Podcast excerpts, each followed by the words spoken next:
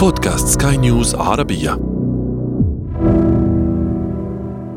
الخامس من سبتمبر يحتفل العالم باليوم الدولي للعمل الخيري وفي العالم العربي تحتفل الإمارات بهذا اليوم الذي تم اختياره في الذكرى السنوية لوفاة الأم تريزا التي توفيت في عام 97 بعد أن كرست حياتها وأعمالها الخيرية لصالح فقراء العالم. أهلا بكم.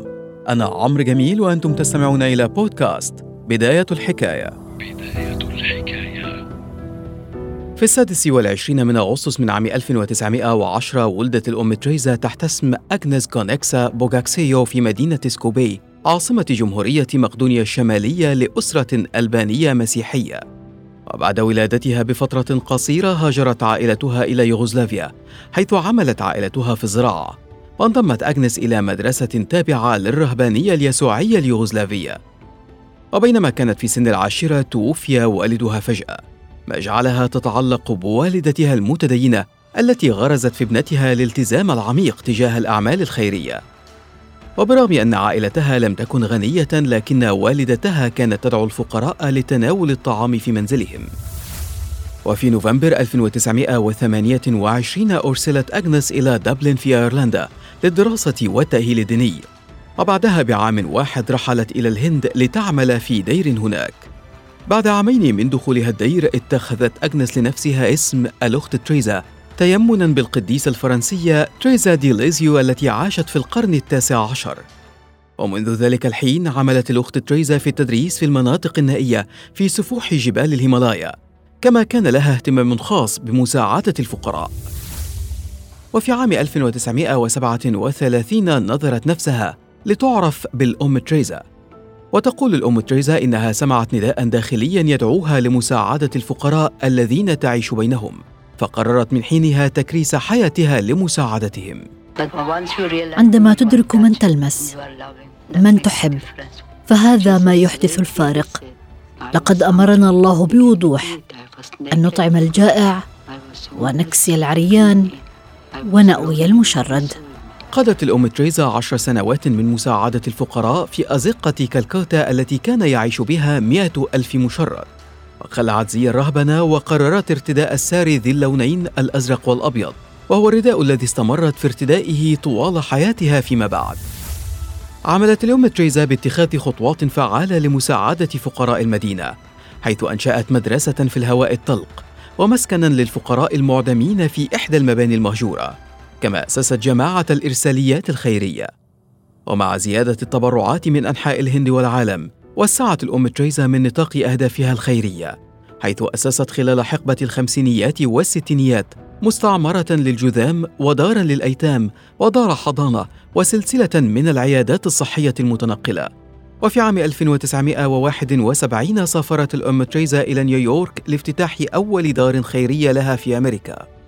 ودفعت كل هذه الأعمال العالم لمتابعة جهود الأم تريزا الخيرية حيث نالت جائزة نوبل للسلام في عام 1979 وبرغم تدهور صحتها إثر إصابتها بنوبات قلبية متكررة واصلت الأم تريزا جهودها لخدمة الفقراء حتى توفيت في الخامس من سبتمبر في عام 1997 عن عمر ناهز 87 عاماً.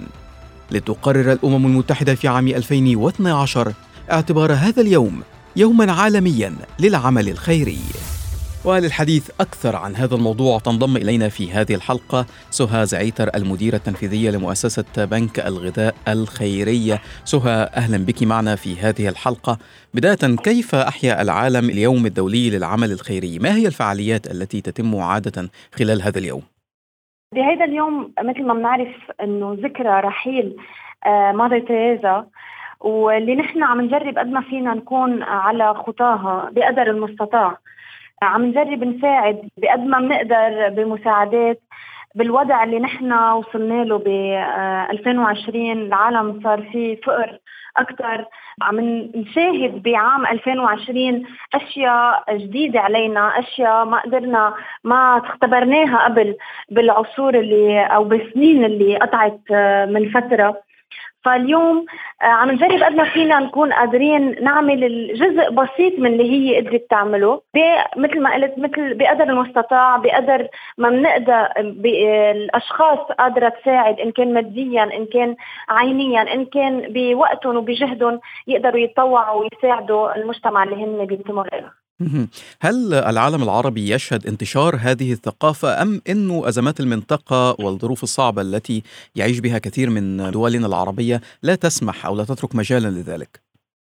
آه، بالوقت الحالي اللي نحن عايشين فيه بلا صار في شوية انفتاح أكثر وأكثر على هذا آه، المفهوم الجديد اللي الجيل الجديد عم يقدر يساعد فيه أكثر وأكثر من خبرة آه، بنك الغذاء اللبناني مع الجيل الجديد بالمدارس وبالجامعات نحن عم نقدر نلمس سنة بعد سنة. هيدا الحس الإنساني الحس المسؤولية اللي خلق آه، مع الأشخاص مع الجيل الجديد اللي عم يقدروا هن يستفيدوا ويفيدوا منه آه، مجتمعهم لو وسعنا الحديث يعني ماذا تخبرنا الإحصاءات الآن عن مستوى الفقر في العالم؟ كيف يبدو المشهد الآن حول العالم كله؟ بلبنان وبخارج لبنان وبالعالم نشهد حالة فقر كثير عالية في يعني نحن بالدراسات بما أنه آه، اختصاصنا الأكل نحن بنشوف أنه في هدر بالعالم بطعمة الأشخاص اللي محتاجين هذا الأكل مرتين ونص. يعني هذا الهدر اللي عم بيكون على الكرة الأرضية كاملة عم بيكون بيقدر يغطي آه، آه، آه، حاجة مرتين ونص. يعني تخيل قد إيه نحن بمحل من المحلات. حجم الهدر اللي نحن عم عم نعمله. وفينا بكل سهولة نساعد هالأشخاص. يعني ما نعرف ولا نشوف ولا ولا نشاهد على أي شاشة تلفزيون إنه في ناس عم بتموت من الجوع صحيح. باي بلد كان. يعني هيدي المجاعة اللي نحن عم نشوفها ببلاد أفريقية ببلاد آه، غيرها هيدي نحن المفروض إذا بننتبه ومع شوي. الكوارث والأزمات يمكن بسهولة إن نحلها حتى بسلوك فردي. مزبوط هيدا اللي نحن عم نشتغل عليه بالجيل الجديد. فمثل ما نرجع لموضوعنا الفقر موجود بالعالم بس نحن فينا نلاقي حل له فينا نبرهن إنه بنقدر نساعد هالاشخاص النقطة التي ذكرتيها آه، سهى هي نقطة تفتح نقاش كبير في الواقع لأنه فكرة إهدار الطعام أن يكون لدينا الطعام بالفعل والذي يمكن أن يتم تقديمه للكثير من المحتاجين الذين لا يجدوه ومع ذلك لا يتم تقديمه لهم بل إنه في الواقع يهدر ويلقى مم. في القمامة نفس الأمر بالنسبة للجهود القضاء على الفقر أو جهود العمل الخيري بشكل عام برغم كل الجهود لكن كل هذه الجهود اللي كان من المفترض أن تقلل من عدد الفقراء في العالم ما يحدث في واقع الأمر هو العكس تماما بل إن حتى نعم. الهوة بين الفقراء والأغنياء في العالم تتسع كيف نفسر هذا؟ للأسف ما ما في تفسير واضح لهيدا هيدي الأزمة اللي عم نعيشها آه، بالعالم ككل. بس ك آه، يعني إذا بدنا نجي نطلع على العوامل الاجتماعية، العوامل الاقتصادية، العوامل اللي الجغرافية يمكن اللي عم تأثر بمحل من المحلات على آه، هالبشر ككل. بلس ما بدنا ننسى الحروب اللي عم تصير اللي عم تدمر بلاد بكاملها. وبالتأكيد أزمة فيروس كورونا كان لها ظلال أيضا على الوضع طبعا طبعا. يعني نحن رح أعطيك كمان مثل من اللي عم نعيشه. كل شيء مصالح أو آه، أشياء صغيرة محلات صغيرة مهن صغيرة أو شوفير تاكسي أو أو يعني حيلا شيء بيعتمد على القوة الجسدية لنعتبر. نعم. آه، هيدول المهن آه، هلأ ما قادرة يعني الشخص ما عم بفوت حدا غريب على بيته لأنه خايف من طبعا. من من الكوفيد. العالم ما عم تتنقل. الأشخاص اللي مثلا شوفير سائق الأشخاص المعتمدين على العمل اليومي والحرفي على القوت 100% 100% هيدا هو اللي عم بيخلي الأشخاص اللي لنقول ذوي المدخول المحدود عم بيصير أقل. يعني هدول الأشخاص اللي لنعتبرهم من الطبقة الفقيرة هلأ صاروا ما دون خط الفقر لأنه ما عم بيكون في عندهم مدخول يومي لحتى يقدروا هن يكفوا حياتهم.